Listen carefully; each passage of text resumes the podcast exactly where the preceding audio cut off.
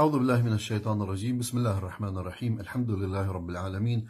وصلى الله وسلم على سيدنا محمد وعلى آله الطيبين الطاهرين وأصحابه المنتجبين. السلام عليكم أحبتي ورحمة الله وبركاته.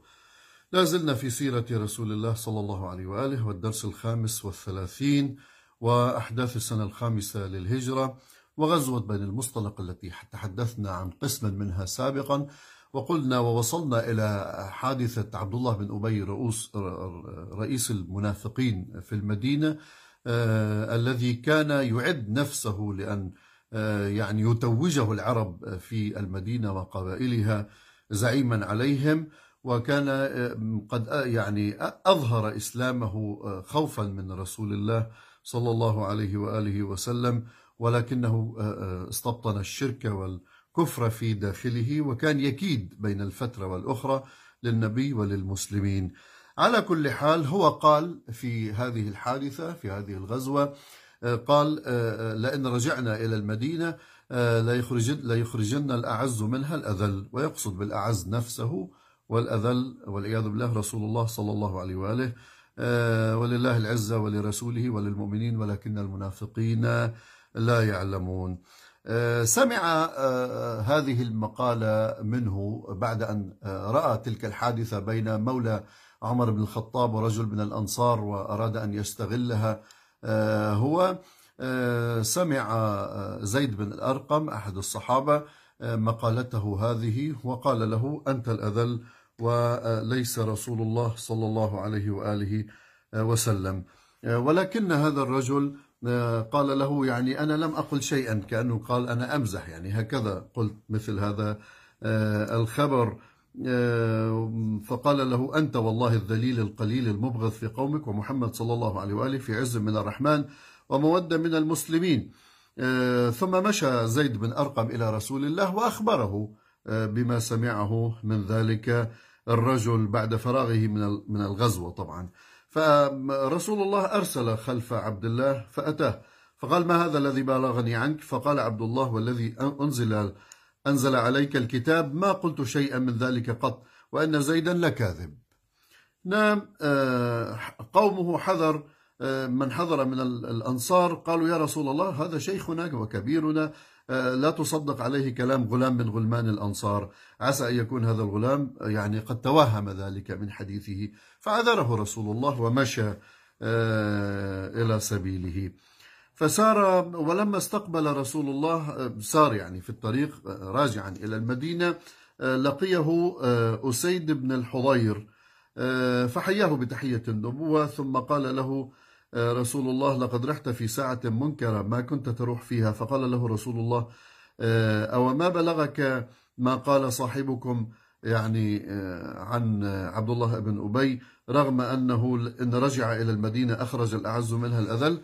فقال فأنت والله يا رسول الله تخرجه إن شئت هو والله الذليل وأنت العزيز. ثم قال يا رسول الله ارفق به. يعني لا تتحامل عليه آه، كثيرا فوالله لقد جاء الله بك وإن قومه لينظمون له الخرز ليتوجوه وإنه ليرى أنك قد استلبته ملكا. على كل حال آه، بلغ عبد الله بن أبي آه، ما كان من أمر من أمر أبيه يعني ابن عبد الله بن أبي أيضا اسمه عبد الله. بلغه من أمر أبيه وظن بأن رسول الله يريد أن يقتله. فأتى رسول الله وقال له أنا أقتله لأنني لا أحب آتيك برأس أبي لأنني لا أحب أن يعني يصبح لأحد آه، لي عليه ثأر آه، وأنت يا رسول الله أحب إلي من كذا وكذا يعني من أبي ومن كل قومي وعشيرتي. المهم النبي لا ما رضي بقتله آه، بل ترفق به وتحسن وتحسن صحبته ما بقي معنا. آه، ف يعني لاحظوا النبي صلى الله عليه وآله هذا من رؤوس المنافقين ويمكر سوءا برسول الله ومع ذلك لم يرضى بقتله وبقي في المدينة. ونحن جايين نأمر الناس بالقتل ونستخف بالدماء ومجرد أن خالفنا في المذهب أو في الرأي آه، نهدر دمه ودم أطفاله ودم عياله. وأنتم ترون سفك الدم أصلا في مدن المسلمين وبلادهم على امتداد الأرض مع الأسف الشديد. كل ذلك زورا وكذبا لأحاديث مزورة وضعوها أنه إنما جئتكم بالذبح حاشاه أن يقول كذلك إنما جئتكم بالرحمة إنما بعثت لأتمم مكارم الأخلاق أنا الرحمة المهداد. هذا رسول الله صلى الله عليه وآله وسلم. لكن مع الأسف المؤرخون والقصاصون صوروه بهذه الصورة. ومع الأسف الشديد كثير من العلماء فهموا ذلك خطأ آه، وكرس ذلك فتواهم في القتل وفي آه، يعني في إهدار دماء الناس لمجرد الاختلاف معهم أو لمجرد مباشرة يطبقون عليه حكم الإفساد في الأرض ويقتلونه وأنه أكثر من عبد الله بن أبي لم يكن مفسدا في المدينة ومع ذلك رسول الله ما قتله على الإطلاق. على كل حال آه، ثم عادوا إلى المدينة تركه النبي صلى الله عليه وآله وسلم ومات يعني حتف أنفه بقي فيها فترة ومات حتف أنفه.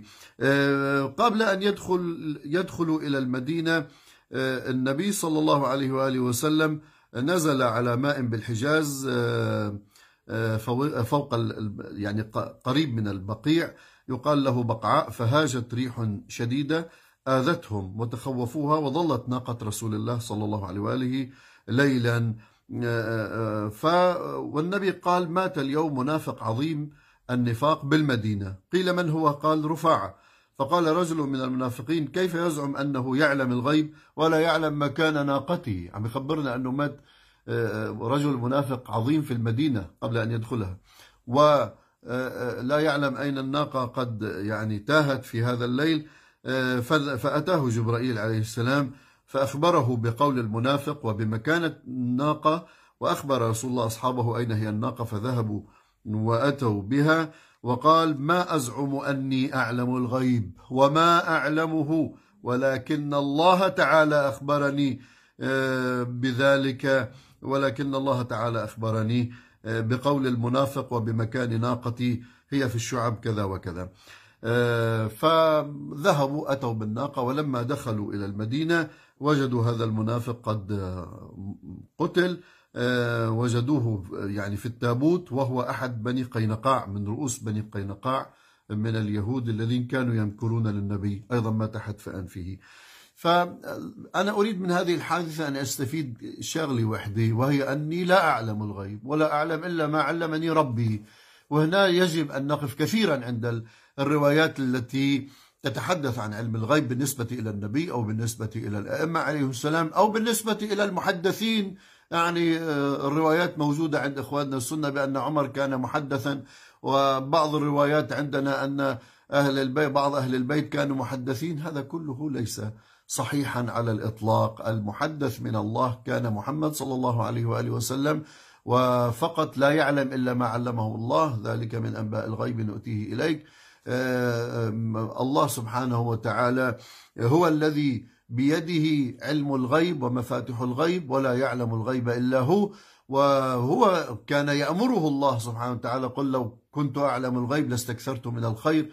وما مسني السوء وما أقول لكم إني ملك ولا أعلم الغيب وكثير من الآيات التي نفت علم الغيب عنه صلى الله عليه وآله وسلم لكن مع الأسف يحلو للبعض دائما أن يأخذ بهذه الروايات ويجعل الأئمة عليهم السلام آه، أو يجعلون بعض يعني الكبار والرموز يجعلونهم يعلمون الغيب كما الله سبحانه وتعالى يعلم الغيب. وهذا فيه نوع من الضرب من ضروب الشرك لأن علم الله سبحانه وتعالى واسع لا حد له وعلم المخلوق محدود. هذا أولا. وثانيا علم الغيب الموجود عند المخلوقين آه، حتى لو كانوا أنبياء هو علم من ذي علم علمهم إياه الله سبحانه وتعالى أو عبر جبريل جبريل عليه السلام. ولذلك كان أمير المؤمنين عليه السلام يقول لصاحبه من بني كلاب آه، وهو قال هو يتحدث عن بعض الأمور قال يا أمير المؤمنين إنك تتحدث بالغيب آه، أو تعلم الغيب. فقال له يا أخا كلب إنما هو علم من ذي علم. علمني إياه رسول الله صلى الله عليه وآله. أنا لا أعلم الغيب. فالتفتوا كثيرا عندما تتحدثون عن علم الغيب وأن علم الغيب بيد الأئمة وأن علم الغيب بيد رسول الله أو الأنبياء أو الأولياء. أبدا هذا ليس صحيحا على الإطلاق. ما علمهم الله علموه وما, عل وما خبرهم الله خبروه وغير ذلك لا يصح أبدا أن ننسب إليهم مثل هذا. حتى أن النبي صلى الله عليه وآله وسلم كان يرفض أن يقال للإنسان أنك من أهل الجنة أو من أهل الكذا. أنه هذا أيضا تدخل في شؤون الله الذي اختصه لنفسه وهذا أيضا ضرب من ضروب الغيب. ولذلك عندما كان في جنازة أبي السائب عثمان بن مضغون وهو من الصحابة الكبار قالت له زوجته تصوروا في الجنازة قالت له زوجته هنيئا لك الجنة. قال ومن أين علمت أنه في الجنة؟ نحن اليوم نوزع الجنة على الصغار والكبار قتلانا في الجنة وقتلاهم في النار. وهذا بيقول فلان على الجنة وذاك بيقول فلان على النار. كأنه الله سبحانه وتعالى أعطانا مفاتيح الجنة ومفاتيح النار وأصبحنا ندخل إليها من نشاء ونخرج عنها من نشاء.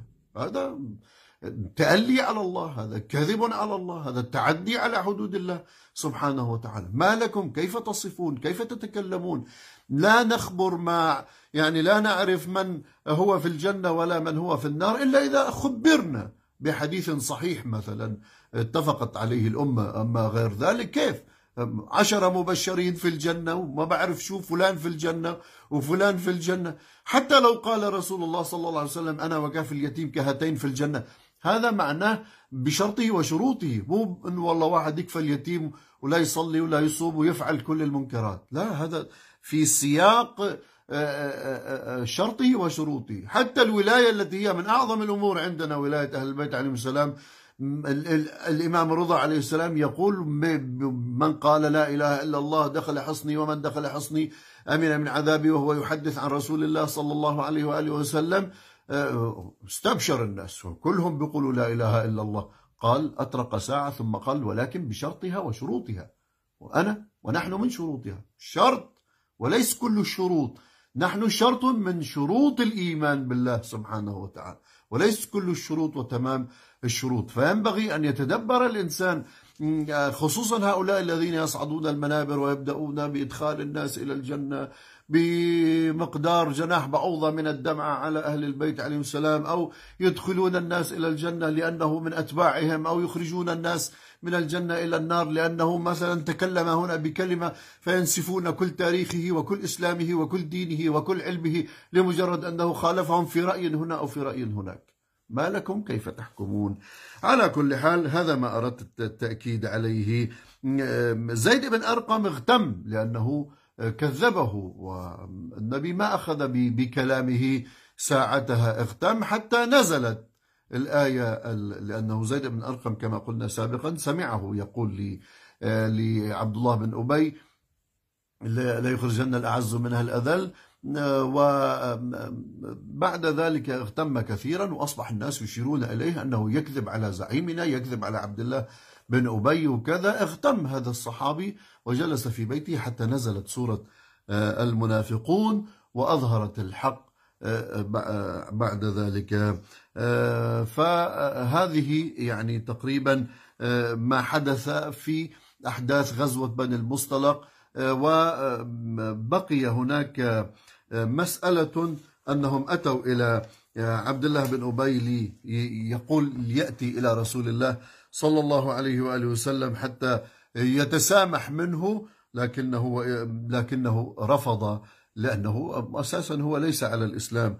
وإذا قيل لهم تعالوا يستغفر لكم رسول الله يستغفر لكم يعني يطلب الغفران من الله أو يسامحكم. ولذلك هم بدنا نلتفت إحنا وقت اللي بنطلب الاستغفار نطلبه من الله أو نطلبه من الله بهم. لا أن نطلبه منهم لأنه ليس بيدهم الاستغفار. يعني عندنا في الإسلام مو مثل عند إخواننا المسيحيين مثلا بيروح لعند الأبونا آه، فيجلس على كرسي الاعتراف فيغفر له خطاياه. الذي يغفر الخطايا هو الله سبحانه وتعالى وحده لا شريك له أبدا. لا أحد يستطيع أن يغفر الخطايا إلا الله سبحانه وتعالى. وإذا قيل لهم تعالوا يستغفر لكم رسول الله لووا رؤوسهم. يعني كأنهم بطريقة استهزائية ورأيتهم يصدون وهم مستكبرون. سواء عليهم أستغفرت لهم أم لم تستغفر لهم لن يغفر الله لهم إن الله لا يهدي القوم الفاسقين. هذا ما كان يعني من حالاتهم. آه ثم هناك حادثة أخرى آه حدثت في هذه أو بعد هذه الغزوة وهي حادثة, حادثة آه يعني إن جاءكم فاسق بنبأ. فتبينوا سنتحدث عنها إن شاء الله في حديث لاحق إذا أبقانا الله من الأحياء والحمد لله رب العالمين وصلى الله على محمد وآله الطاهرين.